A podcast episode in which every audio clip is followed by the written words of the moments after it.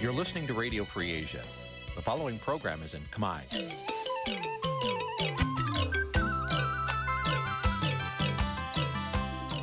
នេះជាកម្មវិធីផ្សាយ Vuthu Azizi Serai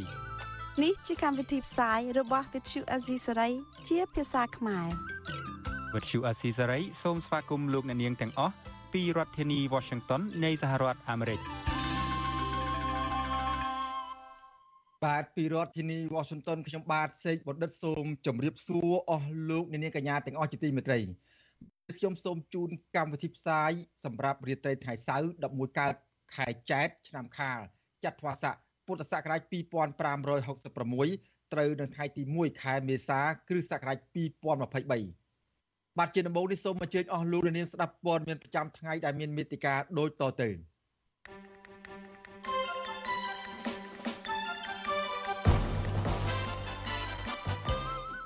អ្នកខ្លាំមើលថាបកករណាចនឹងមិនបង្កឲ្យមានការប្រកួតប្រជែងដោយស្មារតីគ្នាជាមួយនឹងគណៈបកភ្លើងទៀននោះទេក្រសួងព័ត៌មានបដិសេធផ្ដល់អាជ្ញាប័ណ្ណដល់វិទ្យុ VOD ឡើងវិញបណ្ដុំភ្នាក់ងារកិច្ចការសម្ងាត់របស់អាមេរិកថាចិន នៅតែចិញ្ចឹមចិត្តចង់ដាក់មូលដ្ឋានកងទ័ពនៅកម្ពុជា ទីភ្នាក់ងារអភិវឌ្ឍ USAID ធ្វើយុទ្ធនាការផ្លាស់ប្តូរអរិយាប័ត្ររបស់សហគមន៍ដើម្បីជួយឲ្យកុមារលូតលាស់ពេញលេញរួមនឹងព័ត៌មានសំខាន់សំខាន់មួយចំនួនទៀតបាទជាបន្តទៅទៀតនេះខ្ញុំបាទសេកបណ្ឌិតសូមជូនព័ត៌មានពិស្ដាបាទលោកនាងកញ្ញាជាទីមេត្រីក្រុមអ្នកឃ្លាំមើលលើកឡើងថាគណៈបកកណ្ដាលអំណាចនឹងមិនប្រកួតប្រជែងដោយស្មារតីគ្នាជាមួយនឹងគណៈបកភ្លើងទៀន នៅក្នុងការបោះឆ្នោតនាពេលខាងមុខនោះទេបាទការលើកឡើងនេះធ្វើឡើងគណៈការបោះឆ្នោតជាតិនៅសល់តែជាង3ខែទៀតទេចូលមកដល់ហើយក៏ប៉ុន្តែសមត្ថកិច្ចនៃរដ្ឋាភិបាលលហ៊ុនសែនបន្តចាប់ខ្លួននិងធ្វើទុកបុកម្នេញលើសកម្មជននិងថ្នាក់ដឹកនាំគណៈបកភ្លើងទៀនជាបន្តបន្ទាប់បាទលោកនាងនឹងបានស្ដាប់សេចក្តីរាយការណ៍ពិស្ដារអំពីរឿងនេះនាពេលបន្តិចទៀត thank you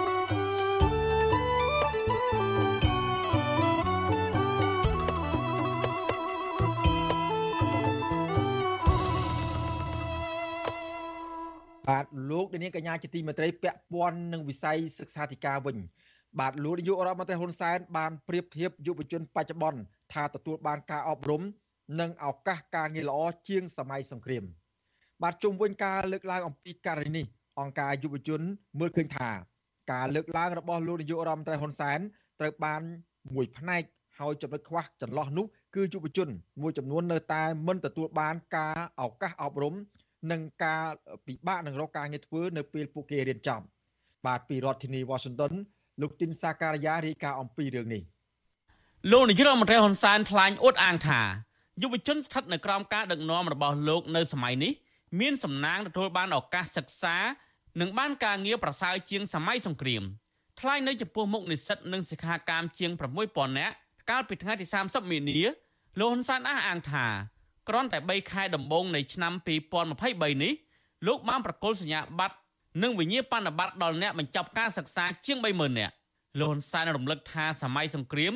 យុវជនជួបការលំបាកមិនបានទទួលការអប់រំល្អបែបនេះទេយើងសង្កេតឃើញថាឱកាសរបស់យុវជនយើង គឺពិតជាមានច្រើនខ្លាំងណាស់មកខាង គឺឱកាសនៃបរិយាកាសរួម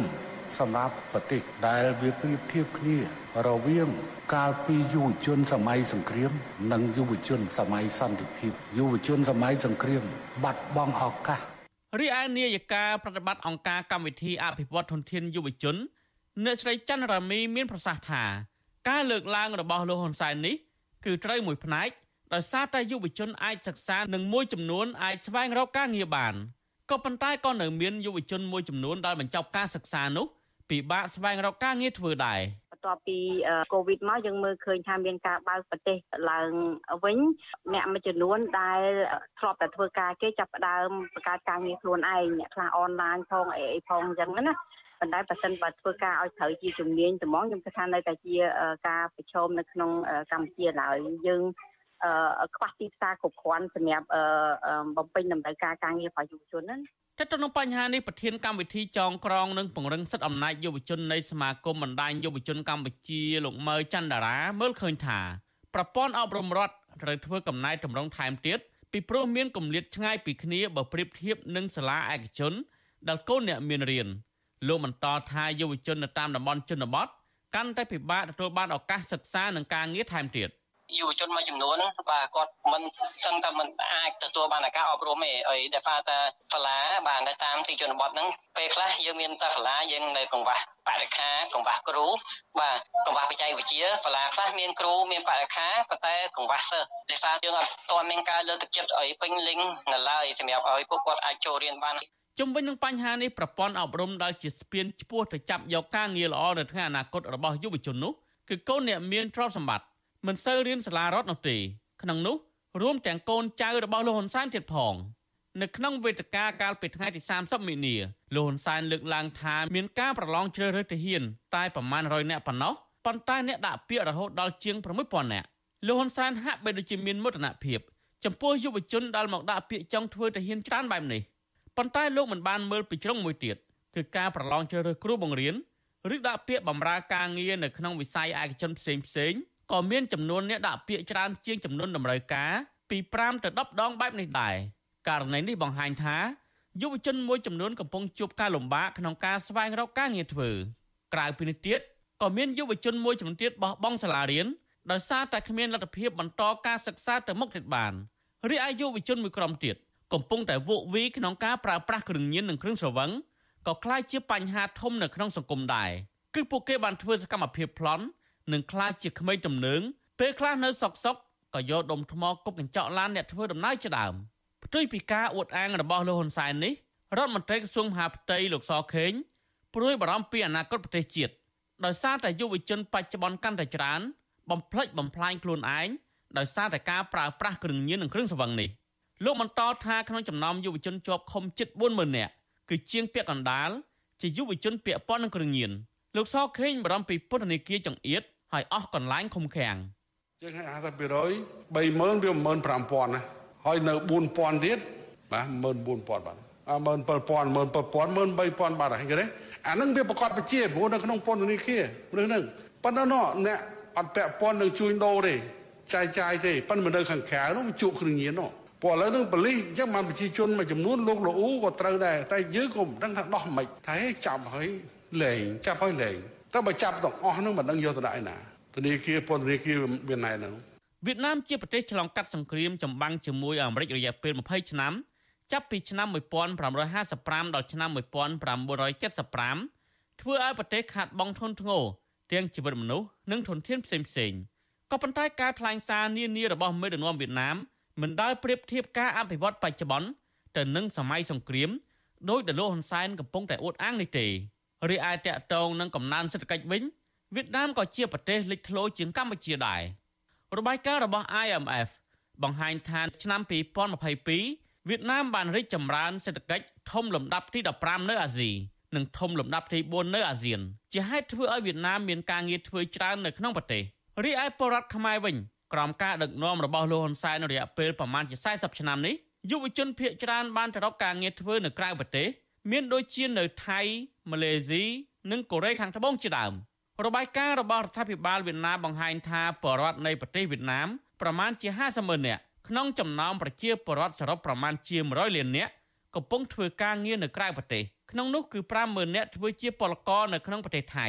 ចំណែករបាយការណ៍រដ្ឋាភិបាលកម្ពុជាវិញបង្ហាញថាប្រជារដ្ឋប្រមាណជា1លាន5សែននាក់ក្នុងចំណោមប្រជារដ្ឋសរុបប្រមាណជា17លាននាក់កំពុងធ្វើការងារនៅក្រៅប្រទេស ក្នុងនោះមាន1លាន2សែននាក់កំពុងធ្វើការងារនៅប្រទេសថៃក៏ប៉ុន្តែបើតាមរបាយការណ៍របស់អង្គការសង្ត្រលបង្ហាញថាពលរដ្ឋខ្មែរកំពុងធ្វើការនៅក្នុងប្រទេសថៃមានប្រមាណជា2លាននាក់ក្នុងនោះពាក្យកណ្ដាលបានឆ្លងដែនខុសច្បាប់និងផុតសុពលភាពឯកសារផ្លូវច្បាប់ដែលប្រឈមនឹងការចាប់ខ្លួនហើយពលករមួយចំនួនទៀតកំពុងតែប្រឈមនឹងថកែចំជាតិថៃកេងប្រវាញ់ពលកម្មជាដើមខ្ញុំធីនសាការីយ៉ាស៊ីសេរីប្រធានីវ៉ាស៊ីនតោន បាទលោកនាងកញ្ញាជាទីមេត្រីលោកនាងកំពុងតាមដានស្ដាប់ការផ្សាយរបស់វិទ្យុអស៊ីសេរីពីរដ្ឋធានី Washington សហរដ្ឋអាមេរិកបាទតកតងនឹងសេរីភាពអ្នកសារព័ត៌មានវិញ បាទមន្ត្រីជាន់ខ្ពស់នៃក្រសួងព័ត៌មាន បានបដិសេធញត្តិទៅលើសារសុំបើកឲ្យដំណើរការស្ថាប័នសារព័ត៌មាន VOD របស់ក្រមយុវជន បាទក្រសួងលើកឡើងបាទក្រសួងលើកហេតុផលថា ការដកអាជ្ញាប័ណ្ណពីស្ថាប័នសារព័ត៌មានឯករាជ្យមួយនេះ ជាការធ្វើទៅតាមនីតិវិធីច្បាប់និងមិនប៉ះពាល់ទៅដល់សេរីភាពសារព័ត៌មាននោះឡើយបើទោះបីយ៉ាងណាមន្ត្រីសង្គមស៊ីវិលនិងក្រមយុវជនខកចិត្តចំពោះការបដិសេធមួយនេះនិងចាត់ទុកថាអាការអនុវត្តសារព័ត៌មានឯករាជ្យជាការខាត់បងរបស់រដ្ឋាភិបាលនិងប្រជាពលរដ្ឋបាទពីរដ្ឋធានី Washington លោកជាតិចំណាន មានសេចក្តីរាយការណ៍អំពីរឿងនេះមន្ត្រីជាន់ខ្ពស់នៃក្រសួងព័ត៌មានថា ក្រសួងមិនអាចផ្ដល់អាជ្ញាប័ណ្ណដល់ស្ថាប័នសារព័ត៌មាន VOD ឲ្យបើកដំណើរការវិញដោយសារតែស្ថាប័នព័ត៌មានមួយនេះប្រព្រឹត្តខុសនិងបំពានក្រមសីលធម៌វិជ្ជាជីវៈសារព័ត៌មានធ្ងន់ធ្ងរអ្នកនាំពាក្យក្រសួងព័ត៌មានលោកមាសសុភ័ណ្ឌប្រាប់ទីភ្នាក់ងារព័ត៌មានរដ្ឋាភិបាលកាលពីថ្ងៃទី31ខែមីនាថាការដកអាជ្ញាប័ណ្ណពីស្ថាប័នសារព័ត៌មាន VOD មិនបានធ្វើឲ្យមានការរឹតបន្តឹងសេរីភាពសារព័ត៌មាននៅកម្ពុជានោះឡើយតែវាជាការពង្រឹងការអនុវត្តវិជ្ជាជីវៈសារព័ត៌មាន និងការទទួលខុសត្រូវរបស់អង្គភាពសារព័ត៌មាននិងអ្នកសារព័ត៌មានជាមួយគ្នានេះលោកមាសសុភ័ណ្ឌមានប្រតិកម្មទៅនឹងការប្រើពាក្យសារព័ត៌មានឯករាជ្យថាជាចេតនាដែលនាំឲ្យមានការបែងចែករើសអើងនិងបំបែកបំបាក់សាមគ្គីភាពរវាងអង្គភាពសារព័ត៌មាននិងអ្នកសារព័ត៌មាននៅកម្ពុជាការឆ្លើយតបរបស់អ្នកនាំពាក្យក្រសួងព័ត៌មានរូបនេះធ្វើឡើងបន្ទាប់ពីក្រុមយុវជនចំនួន15នាក់បានដាក់ញត្តិទៅក្រសួងស្នើឲ្យសូមមានការផ្តល់អាជ្ញាប័ណ្ណដល់សារព័ត៌មាន VOD កាលពីថ្ងៃទី31ខែមីនា ប្រធានក្លឹបយុវជនបៃតងលោកកែចម្រើនប្រាប់វិសុអេស៊ីស្រីនៅថ្ងៃទី1ខែមេសាថាលោកខកចិត្តចំពោះការបដិសេធរបស់ក្រសួងដែលមិនបានជួយសម្របសម្រួលដល់ថ្នាក់ដឹកនាំឲ្យបើកសារព័ត៌មាន VOD ឡើងវិញលោកបន្តថាការដាក់ញត្តិកន្លងមកនេះធ្វើឡើងដើម្បីឲ្យក្រមយុវជន បានចូលរួមសម្ដែងមតិប្រាប់ទៅក្រសួងពីសារៈសំខាន់នៃស្ថាប័នសារព័ត៌មានឯករាជ្យសម្រាប់ប្រជាពលរដ្ឋទោះជាបែបនេះក្តីលោកបន្តថាក្រមយុវជនក្រុងនឹងដាក់ញត្តិស្នើសុំនេះទៅក្រសួងម្ដងទៀតនៅពេលក្រោយ ព្រោះយើងគិតមើលតាំងពីថ្ងៃបិទម្ដងថ្ងៃនេះយើងទទួលបានព័ត៌មានឬក៏ព្រឹត្តិការណ៍សង្គមអីដែលជាថាសំខាន់ណាសម្រាប់យើងស្ទន់មកភាកឬក៏គិតស្វែងរកដំណោះស្រាយអីយើងឃើញថាដល់ពេលដែលបិទគាត់ទៅគឺខ្វះខាតព័ត៌មានចិត្តបើចំពោះខ្ញុំនិស្សិតនៅភ្នំពេញនៅអីចឹងយើងអាចមានលទ្ធភាពស្វែងរកប្រភពព័ត៌មានចិត្តដល់ពេលប្រជាជនជាពលរដ្ឋមូលដ្ឋានគាត់ខ្វះខាតឬក៏នៅជនបទគាត់បានព័ត៌មានអីបើអស់វីឌីទៅគាត់អត់មានអីទាំងអស់ចឹងណា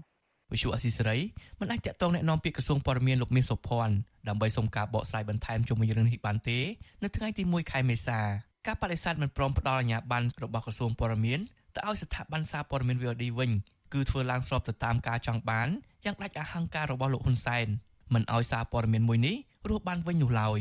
លោកហ៊ុនសែនថាសារព័ត៌មាន VOD បានរំលោភលើវិជាជីវៈសារព័ត៌មាននិងធ្វើឲ្យប៉ះពាល់ដល់កិត្តិយសនិងបែកបាក់ផ្ទៃក្នុងរដ្ឋាភិបាល បន្ទាប់ពីចុះផ្សាយព័ត៌មានដែលតាក់ទងទៅនឹងកូនប្រុសច្បងចាំស្នងតំណែងពីលោកគឺលោកហ៊ុនម៉ាណែតចុះហត្ថលេខាផ្ដល់ជំនួយឲ្យទូគីជំនួសលោកហ៊ុនសែនដែលជាឪពុកលោកនាយករដ្ឋមន្ត្រីហ៊ុនសែនដែលគេស្គាល់ថាជាមេដឹកនាំចូលចិត្តការសរសើរអែបអបនិងខ្លាចប្រព័ន្ធផ្សព្វផ្សាយឯករាជ្យនោះក៏ធ្លាប់ទិញទឹកចិត្តអ្នកសារព័ត៌មានដើម្បីធ្វើជាឧបករណ៍បម្រើនយោបាយរបស់លោកដែរជាក់ស្ដែងកាលពីឆ្នាំ2022លោកហ៊ុនសែនខ្លួនលោកផ្ទាល់បានទម្លាយរឿងទិញផ្ទះតម្លៃជិត20ម៉ឺនដុល្លារនិងផ្ដល់ប្រាក់ឧបត្ថម្ភប្រចាំខែ ឲ្យអ្នកសារព័ត៌មានអនឡាញគឺលោកសានមុនធឿនលោកក្រោយមកលោកហ៊ុនសែនបានបញ្ជាឲ្យក្រសួងព័ត៌មានដកហូតអាជ្ញាប័ណ្ណសារព័ត៌មានពីលោកសានប៊ុនធឿនវិញបន្ទាប់ពីមិនពេញចិត្តនឹងអាកប្បកិរិយារបស់លោកប៉ុន្តែមិនយូរប៉ុន្មានក្រសួងព័ត៌មានក៏បានផ្ដល់អាជ្ញាប័ណ្ណឲ្យលោកសានប៊ុនធឿនវិញយ៉ាងស្ងប់ស្ងាត់តើតើនឹងរឿងនេះប្រធានសមាគមការពារសិទ្ធិមនុស្សអាត់ហុកលោកនីសុខាថាការបដិសេធរបស់ក្រសួងមិនមែនជារឿងចម្លែកនោះទេព្រោះសំណើនេះអាចសម្រេចទៅបានលុះត្រាតែមានភ្លើងខៀវពីលោកនាយករដ្ឋមន្ត្រីហ៊ុនសែន យ៉ាងណាលោកលើកទឹកចិត្តដល់ក្រមយុវជនឲ្យព្យាយាមតស៊ូមតិដោយអហិង្សាដើម្បីបន្តការទៀមទានិងប្រាប់ទៅរដ្ឋាភិបាលពីសារៈសំខាន់នៃសារព័ត៌មានឯករាជ្យនៅក្នុងសង្គមប្រជាធិបតេយ្យ យើងដឹងថាបណ្ដាញសារព័ត៌មានវាជាធាតុផ្សំដ៏សំខាន់មានន័យថាជាអំណាចទី4នៅក្នុងអំណាចរដ្ឋដូច្នេះដំណើរការវិទ្យុគេហៅថាបណ្ដាញសារព័ត៌មាននេះវាជាធាតុផ្សំសំខាន់មួយនៅក្នុងចំណោមធាតុផ្សំទាំងឡាយនៃដំណើរការប្រជាធិបតេយ្យអង្គការអ្នករាយការណ៍គ្មានព្រំដែន Reporters Without Borders បានចេញផ្សាយរបាយការណ៍ស្ដីពីសន្ទុះសេរីភាពសារព័ត៌មានពិភពលោកសម្រាប់ឆ្នាំ2022 ដែលដាក់ចំណាត់ថ្នាក់កម្ពុជាក្នុងលេខរៀងទី142ក្នុងចំណោម180ប្រទេសអង្គការអន្តរជាតិនេះរកឃើញថាដោយសារបារម្ភពីការបាត់បង់អំណាចលោកនាយករដ្ឋមន្ត្រីហ៊ុនសែនបានបិទស្ថាប័នកសែតនិងវិទ្យុមួយចំនួនដោយបោះសម្អាតការិយាល័យនិពន្ធព្រមទាំងដាក់ទោសអ្នកសារព័ត៌មានដែលធ្វើឲ្យវិស័យសារព័ត៌មានឯករាជ្យវិនាសជាងនេះទៅទៀតជំនួសឲ្យការប្រើប្រាស់ច្បាប់របបសារព័ត៌មាន បទដ្ឋានសិទ្ធិមនុស្សអន្តរជាតិស្តីពីសិទ្ធិមនុស្សនិងសេរីភាពសារព័ត៌មានអាញាធរកម្ពុជាបានប្រើប្រាស់បទញុះញង់ក្នុងក្រមព្រហ្មទណ្ឌដើម្បីចាប់ខ្លួននិងដាក់ទោសអ្នកសារព័ត៌មានដែលរាយការណ៍ពីបញ្ហារសើប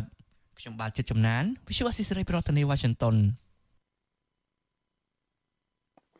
បាទលោកនាងកញ្ញាជាទីមេត្រីលោកនាងកំពុងតាមដានស្ដាប់ការផ្សាយរបស់វិទ្យុអសីសេរីពីរដ្ឋធានីវ៉ាស៊ីនតោនសហរដ្ឋអាមេរិកបាទពាក់ ការផ្សាយរបស់វិទ្យុអសីសេរីក្រៅពីអស់លោកនាងតាមដានស្ដាប់ការផ្សាយរបស់យើងខ្ញុំតាមរយៈបណ្ដាញសង្គម Facebook និង YouTube នោះលោកនាងក៏អាចស្ដាប់ការផ្សាយរបស់យើងខ្ញុំតាមរយៈវិទ្យុរលកធាតុអាកាសខ្លីឬ Shortwave តាមកម្រិតនិងកម្ពស់ឬតទៅនេះបាទពេលព្រឹកចាប់ពីម៉ោង5កន្លះដល់ម៉ោង6កន្លះតាមរយៈប៉ុស SW 12.14 MHz ស្មើនឹងកម្ពស់ 25m និងប៉ុស SW 13.71 MHz ស្មើនឹងកម្ពស់ 22m បាទនៅពេលយប់ចាប់ពីម៉ោង7កន្លះដល់ម៉ោង8កន្លះតាមរយៈប៉ុស SW 9.89 MHz ស្មើនឹងកម្ពស់ 31m ប៉ុស SW 11.88 MHz ស្មើនឹងកម្ពស់ 25m និងប៉ុស SW 12.14 MHz ស្មើនឹងកម្ពស់ 25m បាទសូមអរគុណ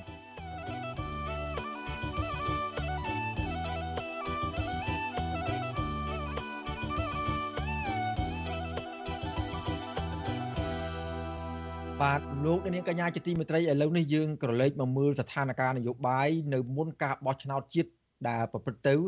នៅខែកក្កដាខាងមុខនេះវិញបាទអ្នកឃ្លាំមើលលើកឡើងថាគណៈបកកណ្ដាលអំណាចនឹងមិនប្រគល់ប្រជែងដោយស្មារតីគ្នាជាមួយនឹងគណៈបកភ្លើងទៀននៅក្នុងការបោះឆ្នោតនាពេលខាងមុខនោះទេបាទការលើកឡើងនេះធ្វើឡើងគណៈការបោះឆ្នោតជាតិនៅសល់តែជាង3ខែ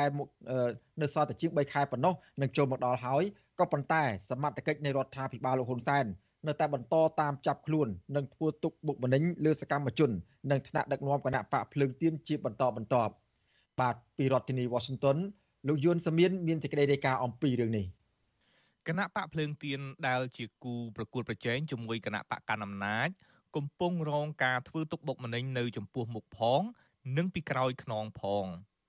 រឿងនៅមុខគឺសមត្ថកិច្ចនៃរដ្ឋាភិបាលលោកហ៊ុនសែនចាប់ខ្លួនសកម្មជននិងថ្នាក់ដឹកនាំគណៈបកដាក់ឃុំជាបន្តបន្ទាប់ដែលត្រូវគេមើលឃើញថាជាការចាប់ខ្លួនពាក់ព័ន្ធហេតុផលនយោបាយច្រើនជាងការអនុវត្តច្បាប់ចំណែកការលួចវាយពីក្រោយគឺប្រព័ន្ធឃោសនា Fresh News របស់លោកហ៊ុនសែនបានយកសម្លេងសារសងស្នេហាឯកជន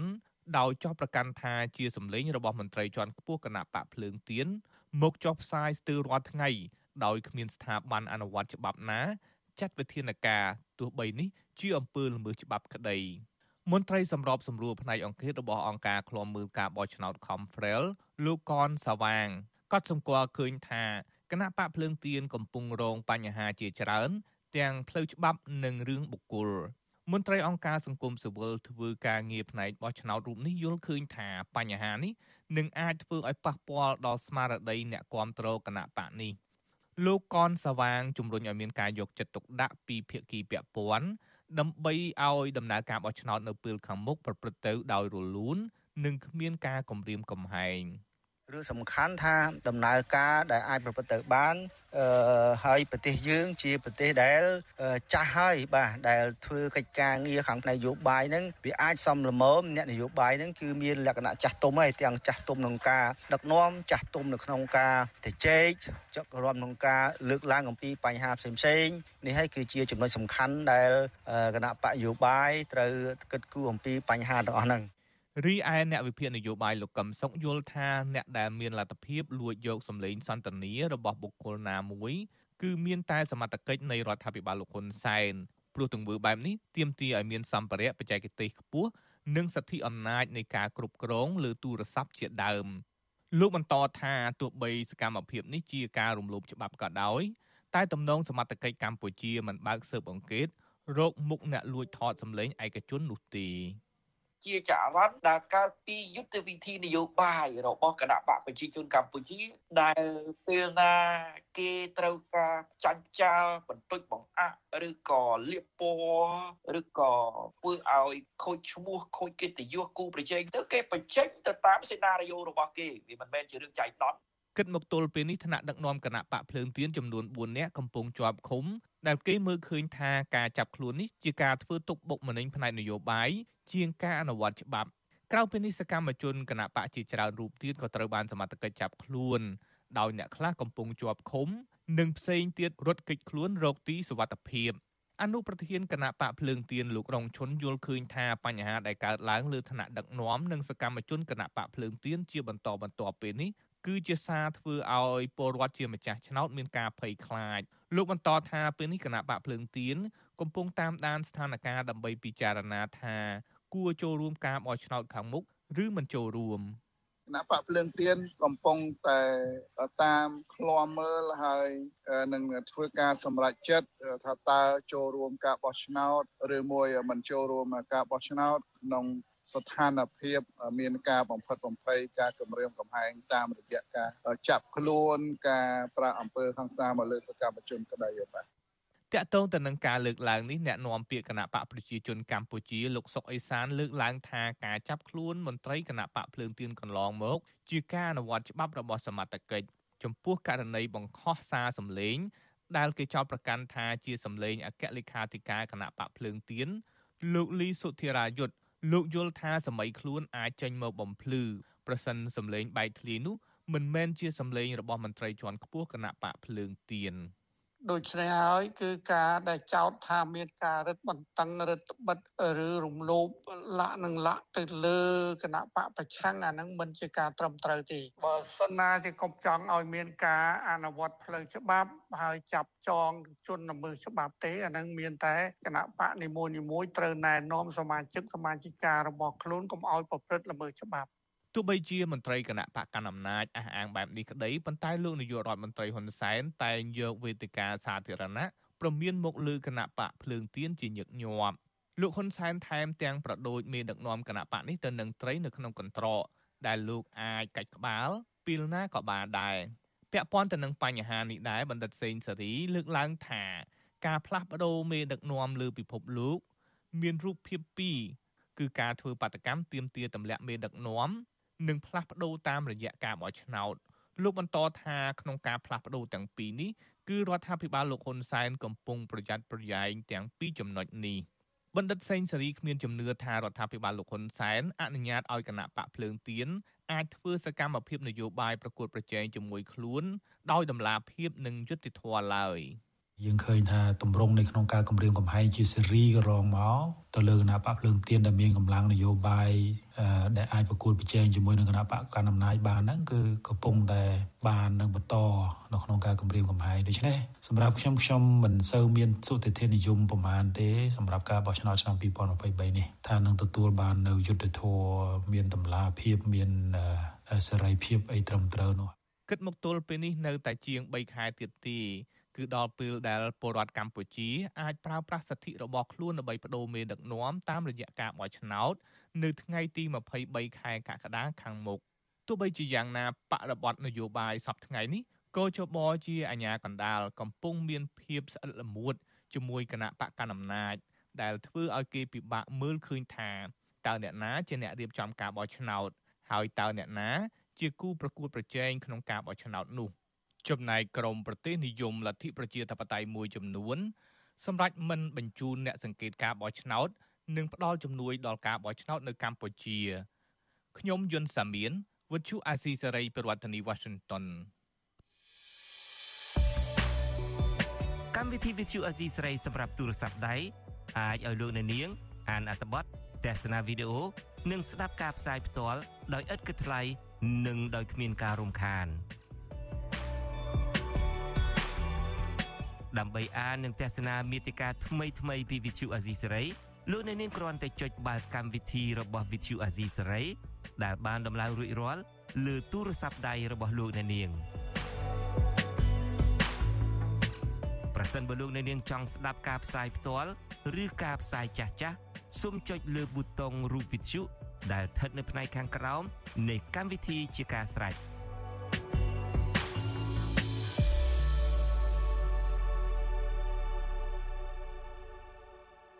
បាទលោកនាងកញ្ញាជាទីមេត្រីនៅពេលនេះលោកនាងកំពុងតាមដានស្ដាប់ការផ្សាយរបស់វិទ្យុអសីសេរីពីរដ្ឋធានីវ៉ាស៊ីនតោនសហរដ្ឋអាមេរិកបាទឥឡូវនេះយើងងាកទៅមើលព័ត៌មានតកតងនឹងតំណែងតំណងរវាងកម្ពុជានិងចិនក្នុងនៅក្នុងវិស័យយោធាវិញម្ដង បាទបណ្ដុំភ្នាក់ងារកិច្ចការសម្ងាត់របស់អាមេរិកវិតម្លៃថាចិន នៅតែបន្តចិញ្ចឹមចិត្តចង់ដាក់មូលដ្ឋានទ័ពរបស់ខ្លួននៅកម្ពុជាដដែលបាទស្ថាប័នដដែលនេះក៏បានវិតម្លៃដែរថា សាធារណរដ្ឋប្រជាមានិតចិនប្រើប្រាស់គ្រប់មធ្យោបាយទាំងអស់ក្នុងជួររដ្ឋាភិបាលរបស់ខ្លួន ដើម្បីសម្ញែងអំណាច និងបង្ខំឲ្យប្រទេសជិតខាងធ្វើតាមការចង់បានរបស់ខ្លួន បាទសេចក្តីរាយការណ៍អំពីរឿងនេះលោកមានរិទ្ធមានសេចក្តីរាយការណ៍ពិស្ដារជុំវិញរឿងនេះពីរដ្ឋធានី Washington ឆ្នាំ2023នេះ កម្ពុជានៅតែបន្តជាប់ឈ្មោះក្នុងរបាយការណ៍ប្រចាំឆ្នាំស្តីពីការវិដំឡៃអំពីការគម្រាមកំហែងជាសកលមកលើសន្តិសុខជាតិរបស់អាមេរិកចេញផ្សាយដោយសហគមន៍កិច្ចការសម្ងាត់ឬចារកម្មរបស់អាមេរិក ការជាប់ឈ្មោះនេះមិនមែនដោយសារតែកម្ពុជាបង្កការគំរាមកំហែងដោយផ្ទាល់ដល់សន្តិសុខរបស់សហរដ្ឋអាមេរិកឡើយក៏ប៉ុន្តែដោយសារតែមហិច្ឆតារបស់សាធារណរដ្ឋប្រជាមានិតចិនហៅកាត់ថា PRC មកលើប្រទេសនេះជាពិសេសពាក់ព័ន្ធនឹងកំពង់ផែកងទ័ពជើងទឹករៀម របាយការណ៍ចេញផ្សាយនៅដើមខែមីនានេះដោយការិយាល័យរបស់ប្រធានកិច្ចការសម្ងាត់អាមេរិកកាំងហៅកាត់ថា ODNI ដែលជាបណ្ដុំភ្នាក់ងារកិច្ចការសម្ងាត់អាមេរិកកាំងចំនួន17ស្ថាប័នក្នុងនោះក៏រួមទាំងភ្នាក់ងារសម្ងាត់ CIA ផងនោះបានវាតម្លៃថាកងទ័ពរំដោះប្រជាជនចិនហៅកាត់ថា PLA និងបន្តនៅមហិច្ឆតាបង្កើតមូលដ្ឋានទ័ពនៅក្រៅប្រទេសរបស់ខ្លួននិងសម្រេចបាននៅកិច្ចព្រមព្រៀងផ្ដល់លទ្ធភាពឲ្យយោធារបស់ខ្លួនអាចចេញចូលតាមកំពង់ផែរបស់បរទេសនានាការធ្វើដូច្នេះគឺដើម្បីពង្រីកអំណាច និងការពារផលប្រយោជន៍របស់ចិននៅក្រៅប្រទេស បច្ចុប្បន្នចិនមានមូលដ្ឋានទ័ពនៅក្រៅប្រទេសតែមួយគត់នៅលើពិភពលោកគឺនៅប្រទេសជីបូទី ដែលស្ថិតនៅភូមិភាគខាងកើតនៃទ្វីបអាហ្វ្រិកហើយដែលចិនបានបង្កើតកាលពីឆ្នាំ2017កន្លងទៅបណ្ដុំភ្នាក់ងារកិច្ចការសម្ងាត់អាមេរិកកាំងដដែលវាតម្លៃថាបើទោះបីជាដំណើរវិវត្តនៃការបង្កើតមូលដ្ឋានទ័ពនៅក្រៅប្រទេសរបស់កងទ័ពរំដោះប្រជាជនចិន ប្រព្រឹត្តទៅដោយមិនស្មើគ្នាក៏ដោយក៏កងទ័ពរំដោះប្រជាជនចិននឹងនៅតែបន្តប្រើប្រាស់នៅវិធីសាស្ត្រប្រែប្រួលតាមស្ថានភាពជាក់ស្ដែងដើម្បីដោះស្រាយកង្វល់ក្នុងស្រុកខណៈប្រទេសនេះក៏ព្យាយាមកែលម្អទំនាក់ទំនងជាមួយប្រទេសដែលចំណុះនឹងខ្លួន និងពង្រីកគោលដៅបង្កើតមូលដ្ឋានទ័ពនៅក្រៅប្រទេសរបស់ខ្លួន របាយការណ៍ដដែលគូបញ្ជាក់ថាបន្ថែមលើការបន្តអភិវឌ្ឍមូលដ្ឋានទ័ពនៅក្រៅប្រទេសដែលមានស្រាប់របស់ខ្លួន គឺនៅប្រទេសជីបូទីក្រុងប៉េកាំងត្រូវបានគេរាយការណ៍ថាកំពុងព្យាយាមបង្កើតនៅមូលដ្ឋានទ័ពដែលមានសក្តានុពលនៅក្នុងប្រទេសកម្ពុជាប្រទេសហ្គីណេនិងប្រទេសអេមីរ៉ាតអារ៉ាប់រួម វិសុវស៊ីស្រីមិនអាចតាក់ទងแนะនាំពាក្យក្រសួងការពារជាតិលោកឈុំសុជាតិនិងប្រធានអង្គភិបแนะនាំពាក្យរដ្ឋាភិបាលលោកផៃស៊ីផានដើម្បីសូមអធិប្បាយជុំវិញរឿងនេះបាននៅឡើយទេ កាលពីល្ងាចថ្ងៃទី29ខែមីនា ទោះជាយ៉ាងណា ទាំងភៀកគីកម្ពុជា និងទាំងភៀកគីចិន តែងតែបដិសេធចំពោះសេចក្តីរាយការណ៍នានា ដែលចាត់ប្រកាន់ថាចិនមានមហិច្ឆតាដាក់មូលដ្ឋានទ័ពនៅកំពង់ផែកងទ័ពជើងទឹករៀមរបស់កម្ពុជា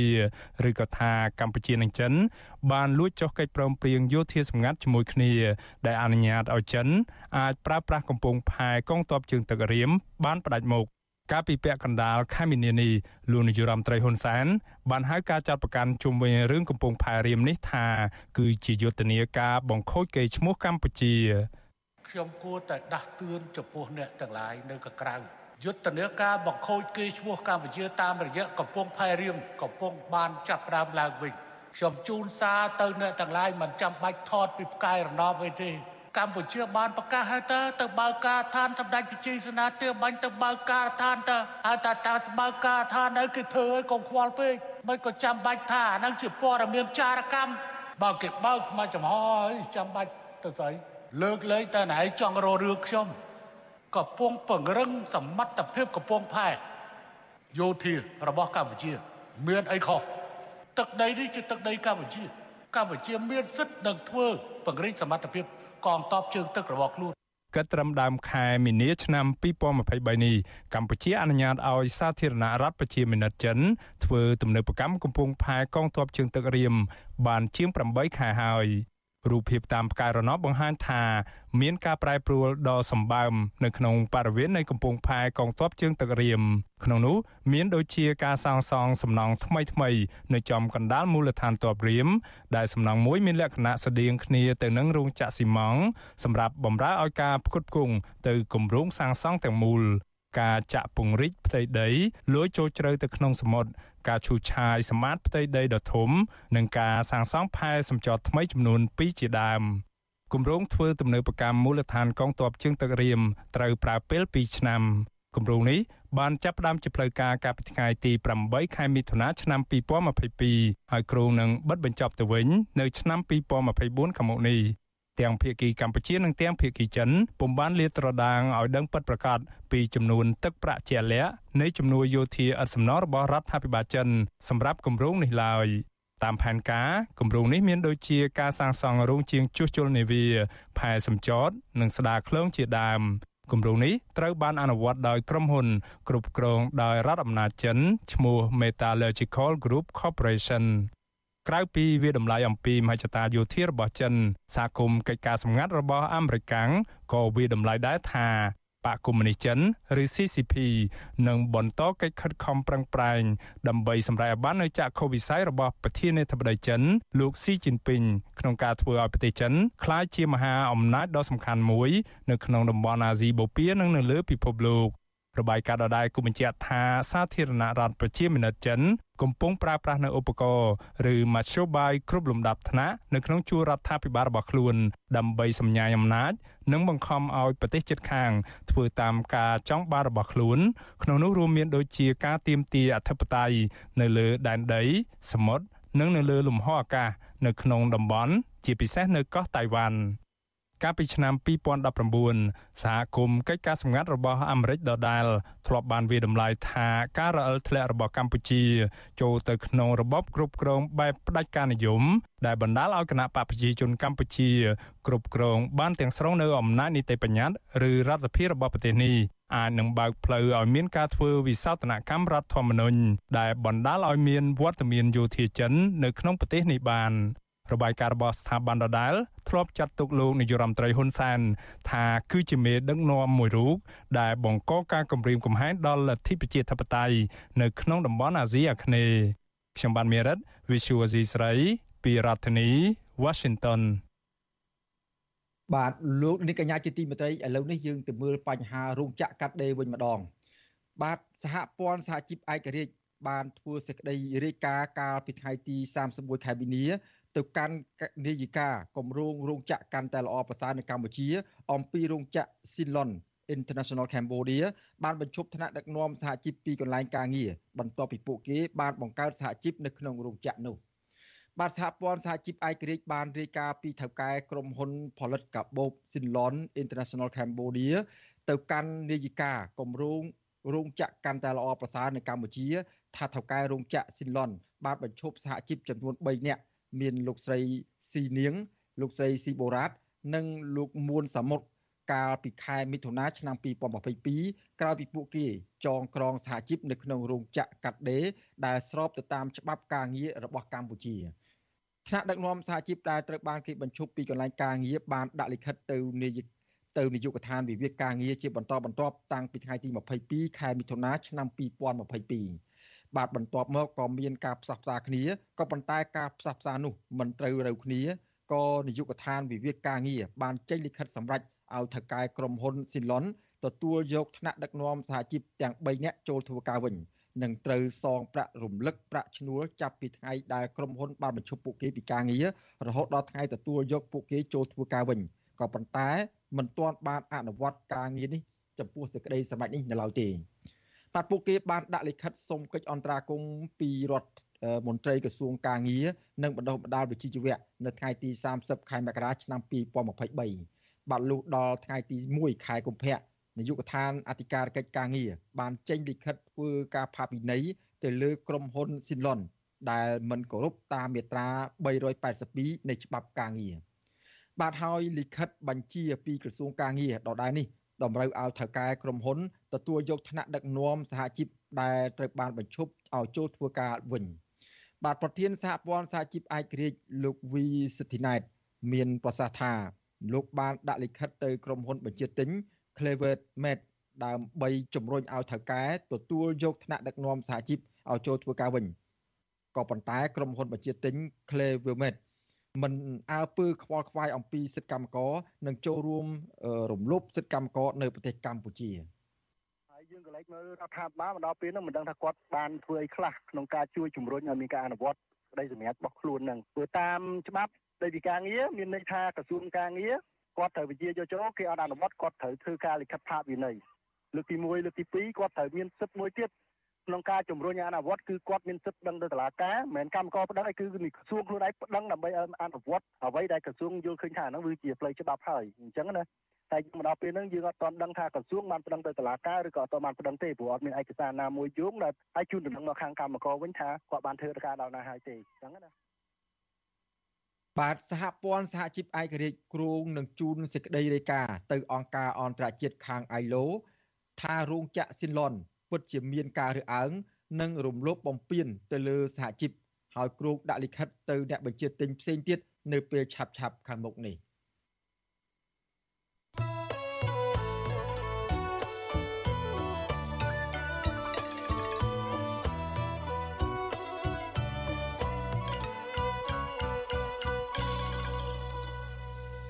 បាទលោកនាងកញ្ញាជាទីមេត្រីលោកនាងកំពុងតាមដានស្រាប់ការផ្សាយរបស់វិទ្យុអស៊ីសេរីពីរដ្ឋធានីវ៉ាស៊ីនតោនសហរដ្ឋអាមេរិកឥឡូវនេះយើងមកមើលបញ្ហាការខ្វះខាតទឹកស្អាតប្រើប្រាស់នៅក្នុងតំបន់រាជធានីភ្នំពេញវិញម្ដងបាទមន្ត្រីអង្គការសង្គមស៊ីវិលយល់ឃើញថារដ្ឋកោទឹកស្វយ័តក្រុងភ្នំពេញគួរសហការជាមួយនឹងភាគីពាក់ព័ន្ធផ្សេងផ្សេងដើម្បីចែកចាយទឹកស្អាតឲ្យបានគ្រប់គ្រាន់ទៅដល់ប្រជាពលរដ្ឋ ជាជាងស្នើសុំឲ្យប្រជាពលរដ្ឋនិងម្ចាស់អាជីវករក្នុងក្រុងភ្នំពេញកាត់បន្ថយការប្រើប្រាស់ទឹកបាទការលើកឡើងបែបនេះធ្វើឡើងបន្ទាប់ពីរដ្ឋកោទឹកស្វយ័តរាជធានីភ្នំពេញស្នើឲ្យម្ចាស់សិប្បកម្មនិងឧស្សាហកម្មសន្សំសំចៃទឹកដើម្បីអាចឲ្យប្រជាពលរដ្ឋដែលរស់នៅជាយទីក្រុងភ្នំពេញមានទឹកប្រើប្រាស់ឡើងវិញបាទពីរដ្ឋធានី Washington លោកយ៉ងច័ន្ទរារាយការណ៍អំពីរឿងនេះ សង្គមស៊ីវិលយល់ឃើញថាការស្នើសុំរបស់រដ្ឋកោទឹកស្វយ័តក្រុងភ្នំពេញឲ្យម្ចាស់អាជីវកម្មនៅកណ្ដាលក្រុងភ្នំពេញកាត់បន្ថយការប្រើប្រាស់ទឹកនោះនឹងមិនសូវមានប្រសិទ្ធភាពឡើយប្រធានមជ្ឈមណ្ឌលប្រជាពលរដ្ឋដើម្បីអភិវឌ្ឍនិងសន្តិភាពលោកយងកំឯងថ្លែងថារដ្ឋកោទឹកស្វយ័តក្រុងភ្នំពេញគួរតែសហការជាមួយភាគីពាក់ព័ន្ធផ្សេងផ្សេងដើម្បីបន្ថែមការដឹកជញ្ជូននិងការចែកចាយទឹកស្អាតឲ្យបានទៅដល់ប្រជាពលរដ្ឋ ដែលកំពុងខ្វះខាតទឹកប្រើប្រាស់ជាបន្ទាន់ពីព្រោះការខ្វះខាតទឹកស្អាតប្រើប្រាស់បានធ្វើឲ្យប៉ះពាល់ដល់ការរស់នៅប្រចាំថ្ងៃរបស់ប្រជាពលរដ្ឋជាខ្លាំងលោកយងកំឯងបន្តថាការស្នើសុំឲ្យប្រជាពលរដ្ឋបញ្ឈប់ការប្រើប្រាស់ម៉ូទ័របូមទឹកនឹងមិនអាចធ្វើទៅបានឡើយដោយសារតែសម្ពាធទឹកហូរមិនគ្រប់គ្រាន់ទើបប្រជាពលរដ្ឋរស់នៅកណ្ដាលក្រុងភ្នំពេញបង្ខំចិត្តប្រើម៉ូទ័របូមទឹកបន្ថែមទៀត។ រឿងដែលយើងឃើញថាវាមិនអាចជោគជ័យទៅបានព្រោះកាលណាអត់មានដំណោះស្រាយគាត់មានអីក្រៅពីបូមបាទអ្នកដែលគ្នាអត់ទឹកដែលចេញខ្សោយដែលចេញតិចដែលស្ទើរថាគ្មានចេញបាទនេះជារឿងមួយសំខាន់ ប្រតិកម្មបែបនេះរបស់មន្ត្រីអង្គការសង្គមស៊ីវិលធ្វើឡើងបន្ទាប់ពីរដ្ឋកោទឹកស្វយ័តក្រុងភ្នំពេញបានចេញលិខិតស្នើសុំឲ្យម្ចាស់អាជីវកម្មនិងប្រជាពលរដ្ឋដែលរស់នៅកណ្ដាលរាជធានីភ្នំពេញជួយកាត់បន្ថយការប្រើប្រាស់ទឹកជាប្រចាំថ្ងៃដើម្បីជំរុញឲ្យមានសម្ពាធទឹកខ្លាំងឡើងវិញលិខិតរបស់រដ្ឋកោទឹកស្វយ័ត ក៏បានស្នើសុំឲ្យម្ចាស់អាជីវកម្មជៀសវាងការប្រើប្រាស់ម៉ូទ័របូមទឹកដែលតដោយផ្ទាល់ពីបណ្ដាញទឹករដ្ឋនិងស្នើសុំឲ្យម្ចាស់យានយន្តកាត់បន្ថយឬមួយក៏ផ្អាកការលាងរថយន្តនៅក្នុងខែមីនានិងខែមេសានេះផងដែរកាលពីថ្ងៃទី23ខែមីនារដ្ឋកោទឹកស្វយ័តក្រុងភ្នំពេញបានចេញលិខិតជូនដំណឹងថាករណីអត់ទឹកប្រើប្រាស់នេះ គឺដោយសារតែតម្រូវការប្រើប្រាស់ទឹករបស់ប្រជាពលរដ្ឋមានការកើនឡើងដល់ទៅជាង89ម៉ឺនម៉ែត្រគីបនៅក្នុងមួយថ្ងៃខណៈដែលសមត្ថភាពផលិតជាក់ស្ដែង បានប្រមាណ64ម៉ឺនម៉ែត្រគីបនៅក្នុងមួយថ្ងៃតែប៉ុណ្ណោះ។រដ្ឋកោទឹកស្វយ័តក្រុងភ្នំពេញសន្យាថានឹងដោះស្រាយបញ្ហានេះចាប់ពីដើមខែឧសភាតទៅ ដោយរោងចក្រផលិតទឹកស្អាត និងផលិតទឹកជាង20ម៉ឺនម៉ែត្រគីបនៅក្នុងមួយថ្ងៃបន្ថែមទៀតទៅលើសមត្ថភាពផលិតនាពេលបច្ចុប្បន្ន ទោះជាបែបនេះក្តីប្រជាពលរដ្ឋលើកឡើងថាអញ្ញាធរសន្យាបែបនេះជាច្រើនលើកមកហើយក៏ប៉ុន្តែជាក់ស្ដែងពុំដែលឃើញមានដំណោះស្រាយនោះទេខណៈដែលបញ្ហាខ្វះទឹកប្រើប្រាស់របស់ប្រជាពលរដ្ឋនេះកើតមានចាប់តាំងពីឆ្នាំ2016រហូតមកដល់ពេលបច្ចុប្បន្ននេះជុំវិញរឿងប្រជាពលរដ្ឋមិនមានទឹកស្អាតប្រើប្រាស់គ្រប់គ្រាន់នៅរដូវប្រាំងជារៀងរាល់ឆ្នាំនេះលោកនាយករដ្ឋមន្ត្រីហ៊ុនសែនមិនបានស្ដីបន្ទោសឬមួយក៏ដកតំណែងមន្ត្រីណាម្នាក់នោះឡើយ ផ្ទុយទៅវិញនៅក្នុងពិធីចែកសញ្ញាបត្រដល់និស្សិតជាង6000នាក់កាលពីថ្ងៃទី30ខែមីនាលោកហ៊ុនសែនបែរជាប្រើប្រាស់ពាក្យអសិលធម៌និងគំរាមចាប់ប្រជាពលរដ្ឋណា ដែលត្អូញត្អែអំពីបញ្ហាមិនមានទឹកប្រើប្រាស់នេះទៅវិញតំបន់មួយចំនួនខ្វះទឹកប្រើប្រាស់គេអត់បានលើកអំពីកាលពីមុនអាតំបន់មានទឹកហ្នឹងគេអត់ដែលនិយាយដល់តែខ្វះទឹកមកបន្តិចវាស្រែកនោះស្រែកស្រែកឲ្យលឺឯងស្រែកឲ្យបែកកាពះនោះហើយផងស្រែក ចឹងបានថាពាក្យចាស់ធ្លាប់មានតែខ្ញុំក៏រកែបន្តិចកុំពុតឆ្លៅកុំបដៅអាក្មេងពីលតកតងទៅនឹងរឿងនេះរដ្ឋាភិបាលបានប្រើប្រាស់រថយន្តពន្លត់អគិភ័យនិងរថយន្តផ្សេងផ្សេងរបស់រដ្ឋដើម្បីចែកចាយទឹកទៅដល់ប្រជាពលរដ្ឋនៅក្នុងតំបន់មិនមានទឹកស្អាតប្រើប្រាស់ក៏ប៉ុន្តែប្រជាពលរដ្ឋដែលរស់នៅតំបន់ជាយក្រុងភ្នំពេញរាប់ម៉ឺននាក់នៅតែមិនមានទឹកប្រើប្រាស់គ្រប់គ្រាន់នោះឡើយ ប្រជាពលរដ្ឋភ័យច្រើនត្រូវចំណាយពេលដើររកទិញទឹកតាមកន្លែងផ្សេងផ្សេងនៅក្នុងតម្លៃថ្លៃដើម្បីបានទឹកប្រើប្រាស់មន្ត្រីអង្គការសង្គមស៊ីវិលលើកឡើងថាអសមត្ថភាពនៅក្នុងការផ្គត់ផ្គង់ទឹកទៅដល់ប្រជាពលរដ្ឋនេះគឺឆ្លោះបញ្ចាំងពីភាពទន់ខ្សោយខ្លាំងនៅក្នុងការដឹកនាំរបស់រដ្ឋាភិបាលលោកហ៊ុនសែនពីព្រោះរាជធានីភ្នំពេញ គឺជាកន្លែងបណ្ដុំទន្លេរហូតដល់ទៅ4រួមមានទន្លេមេគង្គលើ ទន្លេមេគង្គក្រោមទន្លេសាប និងទន្លេបាសាក់ដែលមានទឹកមិនដែលរីងស្ងួតនោះឡើយក៏ប៉ុន្តែរដ្ឋាភិបាលបែរជាមិនអាចផ្គត់ផ្គង់ទឹកស្អាតឲ្យប្រជាពលរដ្ឋបានគ្រប់គ្រាន់ទៅវិញខ្ញុំយ៉ងច័ន្ទដារាវិទ្យុអាស៊ីសេរី Washington បាទលោកនាងកញ្ញាជាទីមេត្រី សង្គមស៊ីវិលជំរុញឲ្យរដ្ឋាភិបាលផ្ដល់ប្រាក់ខែនិងប្រាក់ឧបត្ថម្ភឲ្យមន្ត្រីរាជការស៊ីវិលនិងកងកម្លាំងប្រដាប់អាវុធឲ្យបានច្រើនជាងពេលបច្ចុប្បន្ននេះបាទការលើកឡើងនេះពីនេះគឺបន្ទាប់ពីលោកនាយករដ្ឋមន្ត្រីហ៊ុនសែនកាលពីថ្ងៃទី31ខែមីនាបានចេញអនុក្រឹត្យស្ដីពីការផ្ដល់ប្រាក់ឧបត្ថម្ភចំនួន50000រៀលក្នុងឱកាសពិធីបុណ្យចូលឆ្នាំខ្មែរនិងពិធីបុណ្យភ្ជុំបិណ្ឌកាលពីថ្ងៃទី31ខែមីនាថាមន្ត្រីរាជការស៊ីវិលនិងកងកម្លាំងប្រដាប់អាវុធ បាទពីរដ្ឋធានីវ៉ាស៊ីនតោនអ្នកស្រីម៉ៅសុធានីរាយការណ៍អំពីរឿងនេះមន្ត្រីសង្គមស៊ីវិលយល់ឃើញថាចំនួនទឹកប្រាក់50000រៀលដែលរដ្ឋាភិបាលផ្ដល់ជូនមន្ត្រីរាជការស៊ីវិលនិងកងកម្លាំងប្រដាប់អាវុធក្នុងឱកាសបុណ្យចូលឆ្នាំខ្មែរនិងពិធីបុណ្យភ្ជុំបិណ្ឌនេះនៅមានចំនួនតិចតួចมันអាចផ្គត់ផ្គង់ជីវភាពឲ្យបានសមរម្យនោះឡើយមន្ត្រីសង្គមស៊ីវិលអះអាងថាកណាប្រាក់ខែនិងប្រាក់ជំនួយមួយចំនួន នៅតែតិចតួចអាចធ្វើពួកគាត់រកមុខរបរទី2ដើម្បីទ្រទ្រង់ជីវភាពហើយកត្តាទាំងនេះអាចធ្វើឲ្យប៉ះពាល់ដល់គុណភាពការងារដូច្នេះរដ្ឋគួរតែពិចារណាឡើងវិញ ចំពោះសុខទុក្ខមន្ត្រីរាជការគ្រប់ស្ថាប័នអគ្គលេខាធិការសហព័ន្ធនិស្សិតបញ្ញវន្តកម្ពុជាលោកគៀនពុនលោកប្រាប់វិទ្យុស៊ីស្រីនៅថ្ងៃទី1ខែមេសា ថារដ្ឋាភិបាលគួរតែប្រើប្រាស់ឧបត្ថម្ភ ឲ្យមន្ត្រីគ្រប់ស្ថាប័នទាំងអស់ឲ្យបាន25%នៃប្រាក់ខែនាយករដ្ឋមន្ត្រីដើម្បីអាចជួយពួកគាត់ឲ្យមានសេដ្ឋកិច្ចល្អប្រសើរមិនចាំបាច់ចំណាយពេលរកប្រាក់ក្រៅម៉ោងបន្ថែមលោកបញ្ជាក់ថាប្រាក់ខែតិចតួចក៏ជាប្រភពធ្វើឲ្យមានបញ្ហាពុករលួយផងដែរគឺជាក់ស្ដែងលោកថាក្នុងសាលារៀនខ្លះមានគ្រូមួយចំនួនលក់ក្រដាស់មេរៀនឲ្យសិស្ស ហើយខ្លះទៀតបើកម៉ោងបង្រៀនគួរក្នុងសាលា ដែលបញ្ហាទាំងនេះមិនត្រឹមតែប៉ះពាល់ដល់ការសិក្សារបស់សិស្សនោះទេ ថែមទាំងប៉ះពាល់ដល់ជីវភាពអាណាព្យាបាលសិស្សថែមទៀតផង ខ្ញុំគិតថាប្រាក់នេះគឺនៅតិចណាស់សម្រាប់មន្ត្រីឆ្កាព្រោះអីយើងដឹងហើយថាឥឡូវនេះគឺកំពុងតែមានវិបត្តិសេដ្ឋកិច្ចហើយជាពិសេសគឺទំនិញកំពុងតែបន្តឡើងថ្លៃខ្ពស់បើទោះបីជាការបើកប្រាក់ខែតែម្ដងក្នុងមួយខែមេសានឹងក៏ដោយក៏ប៉ុន្តែការចំណាយរបស់គាត់នៅក្នុងពិធីបុណ្យធំធំមានការចំណាយច្រើនណាស់ខ្ញុំសង្ឃឹមថាការឧបត្ថម្ភដាច់ប្រាក់ទៅលើមន្ត្រីឆ្កាចំនួន50000រៀលនេះរដ្ឋាភិបាលនឹងពិចារណាឡើងវិញដើម្បីផ្ដល់ឲ្យច្រើនជាងនេះតាមការស្នើសុំការលើកឡើងនេះនៅបន្ទាប់ពីលោកនាយករដ្ឋមន្ត្រីហ៊ុនសែន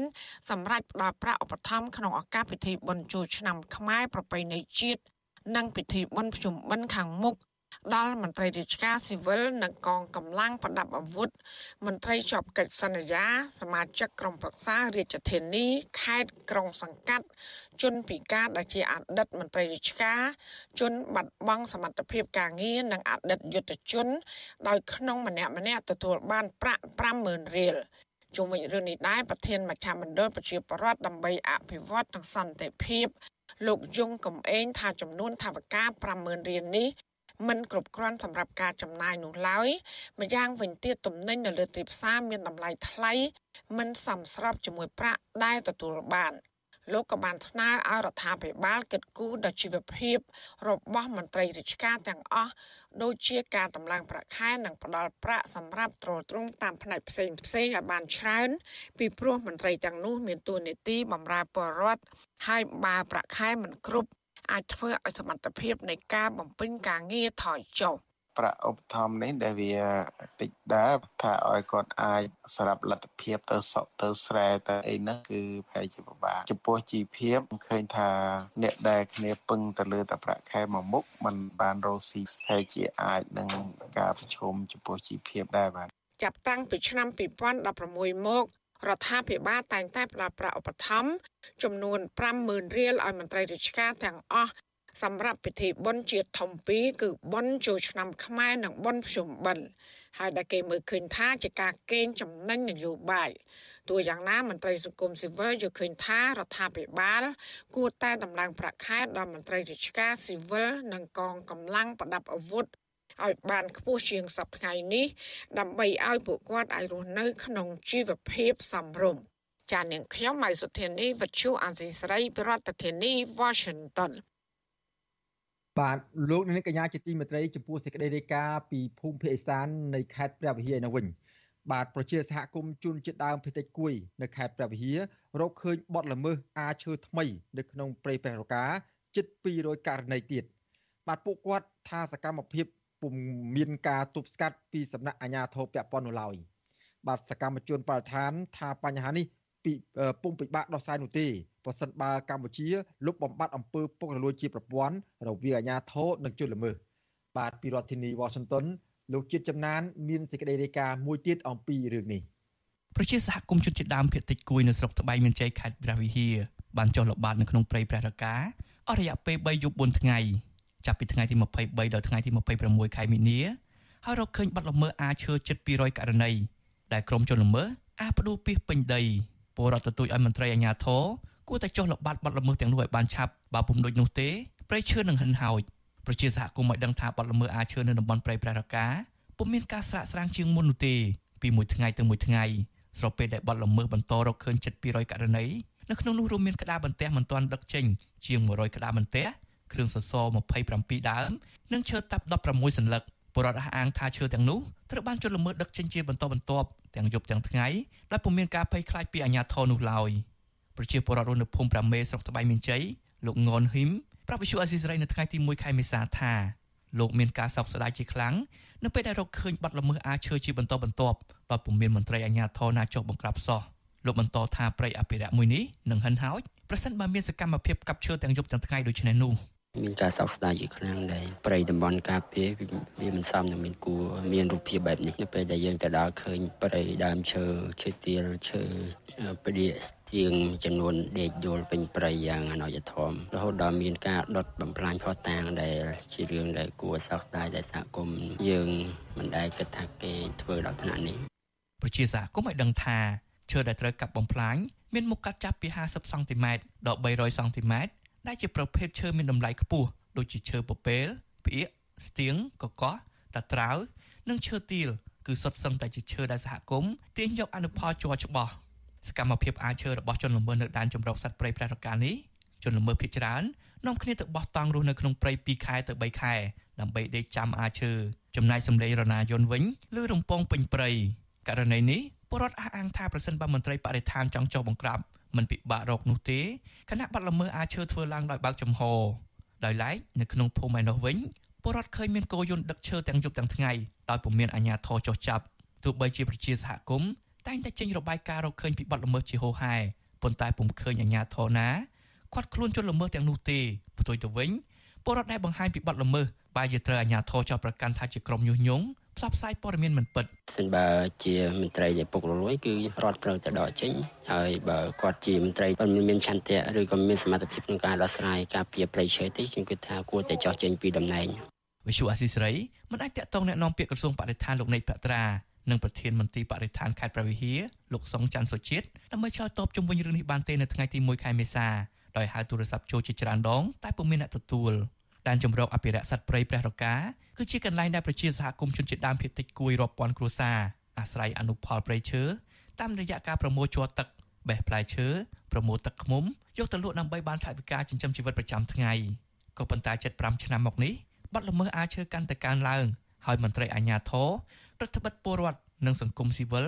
មិនឲ្យចោះល្បាតថែមទៀតដែលធ្វើឲ្យពួកគាត់បារម្ភពីការបាត់បង់មុខរបរទាំងនោះក្នុងពេលឆាប់ឆាប់ ជុំវិញរឿងនេះសកម្មជនបដិឋានដែលតែងតែចុះល្បាតនៅតំបន់ព្រៃព្រះរកាជាញឹកញាប់ដែរនោះលោកសាន់ម៉ាឡាមើលឃើញថាបាត់ល្មើសអាឈើនៅតំបន់ព្រៃព្រះរកានេះពុំមែនជារឿងថ្មីនោះទេដោយសារតែការអាឈើកើតឡើងស្ទើរជារៀងរាល់ថ្ងៃលោកបន្តថាករណីនេះប្រសិនបើអាជ្ញាធរពាក់ព័ន្ធមានឆន្ទៈក្នុងការទប់ស្កាត់ពិតប្រាកដមិនពិបាកនោះទេដោយគ្រាន់តែបើកសិទ្ធិសេរីភាពជូនពលរដ្ឋអាចចុះល្បាតព្រៃដូចមុននិងលុបបំបាត់អំពើពុករលួយជាប្រព័ន្ធរវាងជនល្មើសនិងមន្ត្រីអាជ្ញាធរក្នុងមូលដ្ឋាន សម្រាប់ខ្ញុំមានតែការបើកទូលាយឲ្យមានការចូលរួមពីសំណាក់អង្គការសង្គមស៊ីវិលសហគមន៍មូលដ្ឋាននោះទេ ដែលជាមធ្យោបាយល្អប្រសើរនៅក្នុងការពង្រឹងការអនុវត្តច្បាប់ក៏ដូចជាធានាថាมันមានការប្រព្រឹត្តអំពើពុករលួយជាប្រព័ន្ធហើយជាពិសេសគឺធានាបាននៅប្រសិទ្ធភាពខ្ពស់នៅក្នុងការបញ្ឈប់នៅបទល្មើសគ្រប់ទម្រង់ទាំងអស់នៅក្នុងតំបន់ការពារអ្នកខ្លំមើលបញ្ហាប្រៃឈើសង្កេតឃើញថា ការមិនអើពើរបស់មន្ត្រីពាក់ព័ន្ធរួមទាំងរដ្ឋាភិបាលលោកហ៊ុនសែនជុំវិញការទប់ស្កាត់បទល្មើសព្រៃឈើនៅតំបន់ព្រៃអភិរក្សដូចជាព្រៃឡង់និងព្រៃព្រៃរកាជាដើមនេះនឹងធ្វើឲ្យកម្ពុជារងនូវផលប៉ះពាល់ធ្ងន់ធ្ងរពាក់ព័ន្ធទៅនឹងការបម្រែបម្រួលអាកាសធាតុតាមរយៈការឡើងកម្ដៅខ្លាំងនិងមានខ្យល់ព្យុះធ្វើឲ្យប៉ះពាល់ដល់ការរស់នៅរបស់ពលរដ្ឋជុំវិញរឿងនេះលោកហ៊ុនសែនមិនត្រឹមតែពុំមានវិធានការទប់ស្កាត់បទល្មើសអាឈើនោះទេលោកថែមទាំងគម្រាមទៅលើបុគ្គលដែលរិះគន់ពីបញ្ហាបាត់បង់ព្រៃឈើផងដែរ របាយការណ៍អង្គការលើកទី2របស់អ្នកស្រាវជ្រាវនៃសាកលវិទ្យាល័យ Copenhagen នៃប្រទេសដាណឺម៉ាកចេញផ្សាយកាលពីពេលថ្មីៗនេះបង្ហាញថាកម្ពុជាបានបាត់បង់ព្រៃឈើជាង140,000ហិកតា កាលពីឆ្នាំ2020ក្នុងនោះការបាត់បង់គម្របព្រៃឈើក្នុងដែនជម្រកសត្វព្រៃឡង់បានកើនឡើង22%ព្រៃប្រះរកាកើនឡើង43%និងដែនជម្រកសត្វព្រៃសង់រុក្ខវ័នចំនួន47%ខ្ញុំបាទចិត្តចំណាន Visual Assisray ប្រធានាទី Washington បាទលោកនាងកញ្ញាជាទីមេត្រីពាក់ព័ន្ធនឹងចំណងមេត្រីភាពស្នេហារបស់ពលករចំណាក់ស្រុកខ្មែរនៅក្នុងប្រទេសថៃឯនោះវិញបាទពលករចំណាក់ស្រុកខ្មែរធ្វើការងារនៅក្នុងប្រទេសថៃមួយចំនួន បានសម្រេចចិត្តរៀបចំពិធីមង្គលការនៅក្នុងប្រទេសនេះតែម្ដង ដើម្បីកាត់បន្ថយថ្លៃចំណាយនិងការលំបាកនៅក្នុងការវិលទៅរៀបការនៅស្រុកខ្មែរបាទគូស្វាមីភរិយាថ្មីដែលបានរៀបចំអាពាហ៍ពិពាហ៍បានដោយក្តីបំណងលើកឡើងថា ការរៀបចំពិធីមង្គលការនៅក្នុងប្រទេសថៃនេះគឺដើម្បីចូលរួមថែរក្សាប្រពៃណីទំនៀមទម្លាប់ខ្មែរបើទោះបីជាពួកគេមកធ្វើការងារឆ្ងាយពីស្រុកកំណើតយ៉ាងណាក្តីបាទសូមលោកដានៀងទស្សនាសេចក្តីរាយការណ៍របស់លោកនៅវណ្ណរិនអំពីរឿងនេះពីរដ្ឋធានី Washington ភ្លេងបៃខុនចងដៃបានលន់លឺកងរំពងពេញរោងជ័យមួយកន្លែង នៅក្នុងខេត្តឈុនបុរីនៃប្រទេសថៃកាលពីដើមខែមីនាកន្លងទៅ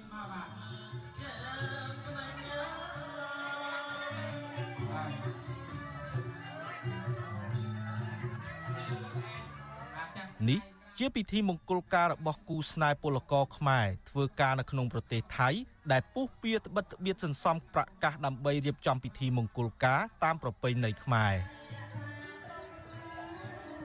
លោកប្រាក់លូនជាពលករធ្វើការនៅក្នុងប្រទេសថៃជាង10ឆ្នាំមកហើយបានក្លាយជាកូនកំលោះនៅក្នុងរោងជ័យមានមេបាចៅមហានិងមិត្តភ័ក្តិប្រុសស្រីចូលរួមអបអរ កូនកំលោះវ័យ31ឆ្នាំរូបនេះរៀបរាប់ទាំងក្តីរីករាយថាបើទោះជាមិនសូវមានសាច់ញាតិមកពីស្រុកខ្មែរចូលរួមច្រើនក្តីក៏ប៉ុន្តែលោករីករាយនៅពេលឃើញមិត្តភ័ក្តិនិងអ្នករួមការងារក្នុងប្រទេសថៃបានមកជួយជ្រោមជ្រែងគ្នារៀបចំពិធីមង្គលការនេះឡើងសម្រាប់ចិត្តរបស់ខ្ញុំនេះណាមួយខ្ញុំអត់តមានផ្ទះទៅតកូនរបស់ខ្ញុំហើយណាមួយម៉ែឪក៏ខាងស្រីខាងប្រុសគឺគាត់អត់មានទេ ហហើយយើងបងប្អូនក៏មានបងប្អូនតែ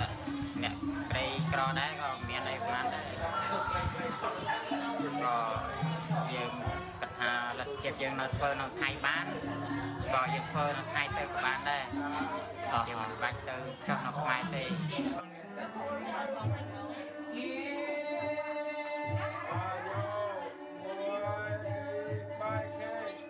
ពិធីមង្គលការនេះ រៀបចំនៅក្នុងផ្ទះជួលពួកគេស្នាក់នៅតែម្ដង ដោយសុំច្បាប់អនុញ្ញាត ពីអាជ្ញាធរមូលដ្ឋានរបស់ថៃ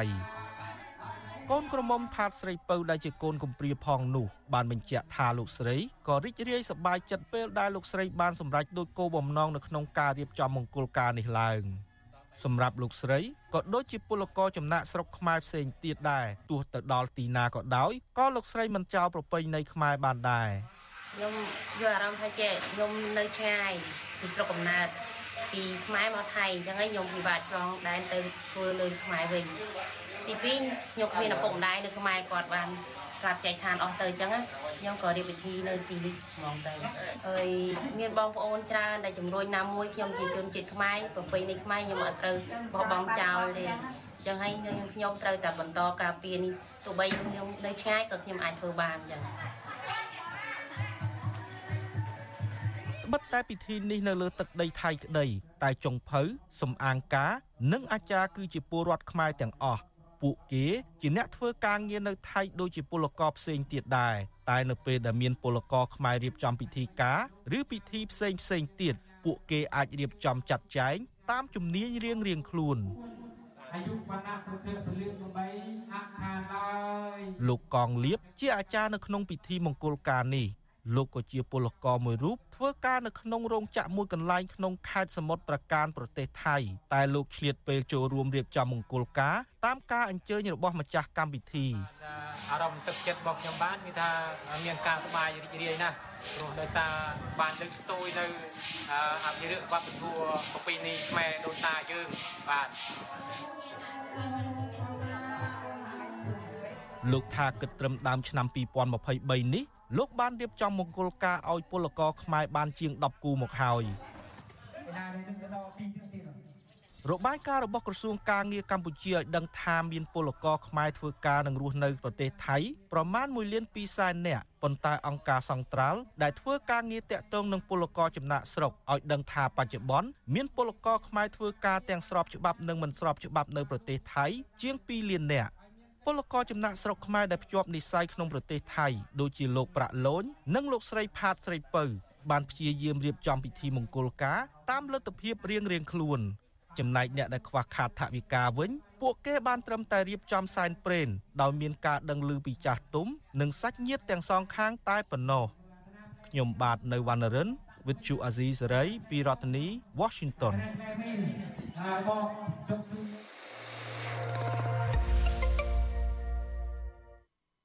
បាទលោកនាងកញ្ញាជាទីមេត្រីទីភ្នាក់ងារសហរដ្ឋអាមេរិកសម្រាប់ការអភិវឌ្ឍអន្តរជាតិហៅកាត់ថា USAID និងដៃគូអភិវឌ្ឍប្រកាសពីយុទ្ធនាការផ្លាស់ប្តូរអរិយាប័ត្រសហគមន៍ដើម្បីជួយឲ្យកុមារមានការលូតលាស់និងសម្រេចបាននូវសក្តានុពលអភិវឌ្ឍពេញលេញបាទសេចក្តីប្រកាសព័ត៌មានរបស់ USAID នៅថ្ងៃទី1ខែមេសាឲ្យដឹងថាគោលបំណងសំខាន់នៃគម្រោងអភិវឌ្ឍកុមារតូចនេះគឺគ្រប់គ្រងដល់ការលើកកម្ពស់ ការចិញ្ចឹមបីបាច់ថែរក្សាសម្រាប់កុមារចាប់ពីមុនពេលកំណើតរហូតដល់អាយុ5ឆ្នាំគម្រោងអភិវឌ្ឍកុមារតូចនេះនឹងជួយដល់ក្រុមគ្រួសារនិងកុមារមានការអភិវឌ្ឍយឺតនិងពិការភាពទទួលបាននូវសេវាថែទាំនិងគ្រប់គ្រងដ៏សមស្របបាទនាយកគម្រោងអភិវឌ្ឍកុមារតូចនៃវិទ្យាស្ថានស្រាវជ្រាវត្រីកោណអន្តរជាតិលោក John William Ames នៅចំពោះមុខ ភាគីពាក់ព័ន្ធប្រមាណ30ស្ថាប័ននិងក្រុមគ្រួសារចំនួន140និងក្រុមគ្រួសារចំនួន170គ្រួសារក្នុងក្រុងសៀមរាបនៅថ្ងៃទី1ខែមេសានេះថាយុទ្ធនាការនេះមានការលុបបំមានការមានគោលបំណងបើកកម្ពស់ការចូលរួមដោយស្មារតីគ្នា រវាងបរិសនិងស្ត្រីក្នុងការចិញ្ចឹមបិចបាច់ថែរក្សាកូនតូចតូចដើម្បីឲ្យពួកគាត់មានការអភិវឌ្ឍល្អប្រសើរ លើបញ្ញាស្មារតីការគិតភាសាអារម្មណ៍និងការលូតលាស់ផ្នែករាងកាយរបស់ពួកគេបាទគម្រោងអភិវឌ្ឍកុមារតូចនេះនឹកដឹកនាំអនុវត្តដោយវិទ្យាស្ថានស្រាវជ្រាវត្រីកោណសហការជាមួយនឹងអង្គការ Heliland និងអង្គការ Federation និងសហនិងរដ្ឋាភិបាលកម្ពុជា បាទលោកបាទលោកនាងកញ្ញាជាទីមេត្រី ការផ្សាយរបស់វិទ្យុអេស៊ីសរ៉ៃសម្រាប់រាត្រីថ្ងៃសៅរ៍នេះបានឈានដល់ទីបញ្ចប់ហើយ ខ្ញុំបាទសេកបណ្ឌិតនិងក្រុមការងាររបស់វិទ្យុអេស៊ីសរ៉ៃទាំងអស់សូមជូនពរអស់លោកនាងឲ្យជួបប្រកបតែនឹងសេចក្តីសុខចម្រើនរុងរឿងកំបីគ្លៀងគ្លេឡើយខ្ញុំបាទសូមអរគុណនិងសូមជម្រាបលា បាទរាត្រីសួស្តី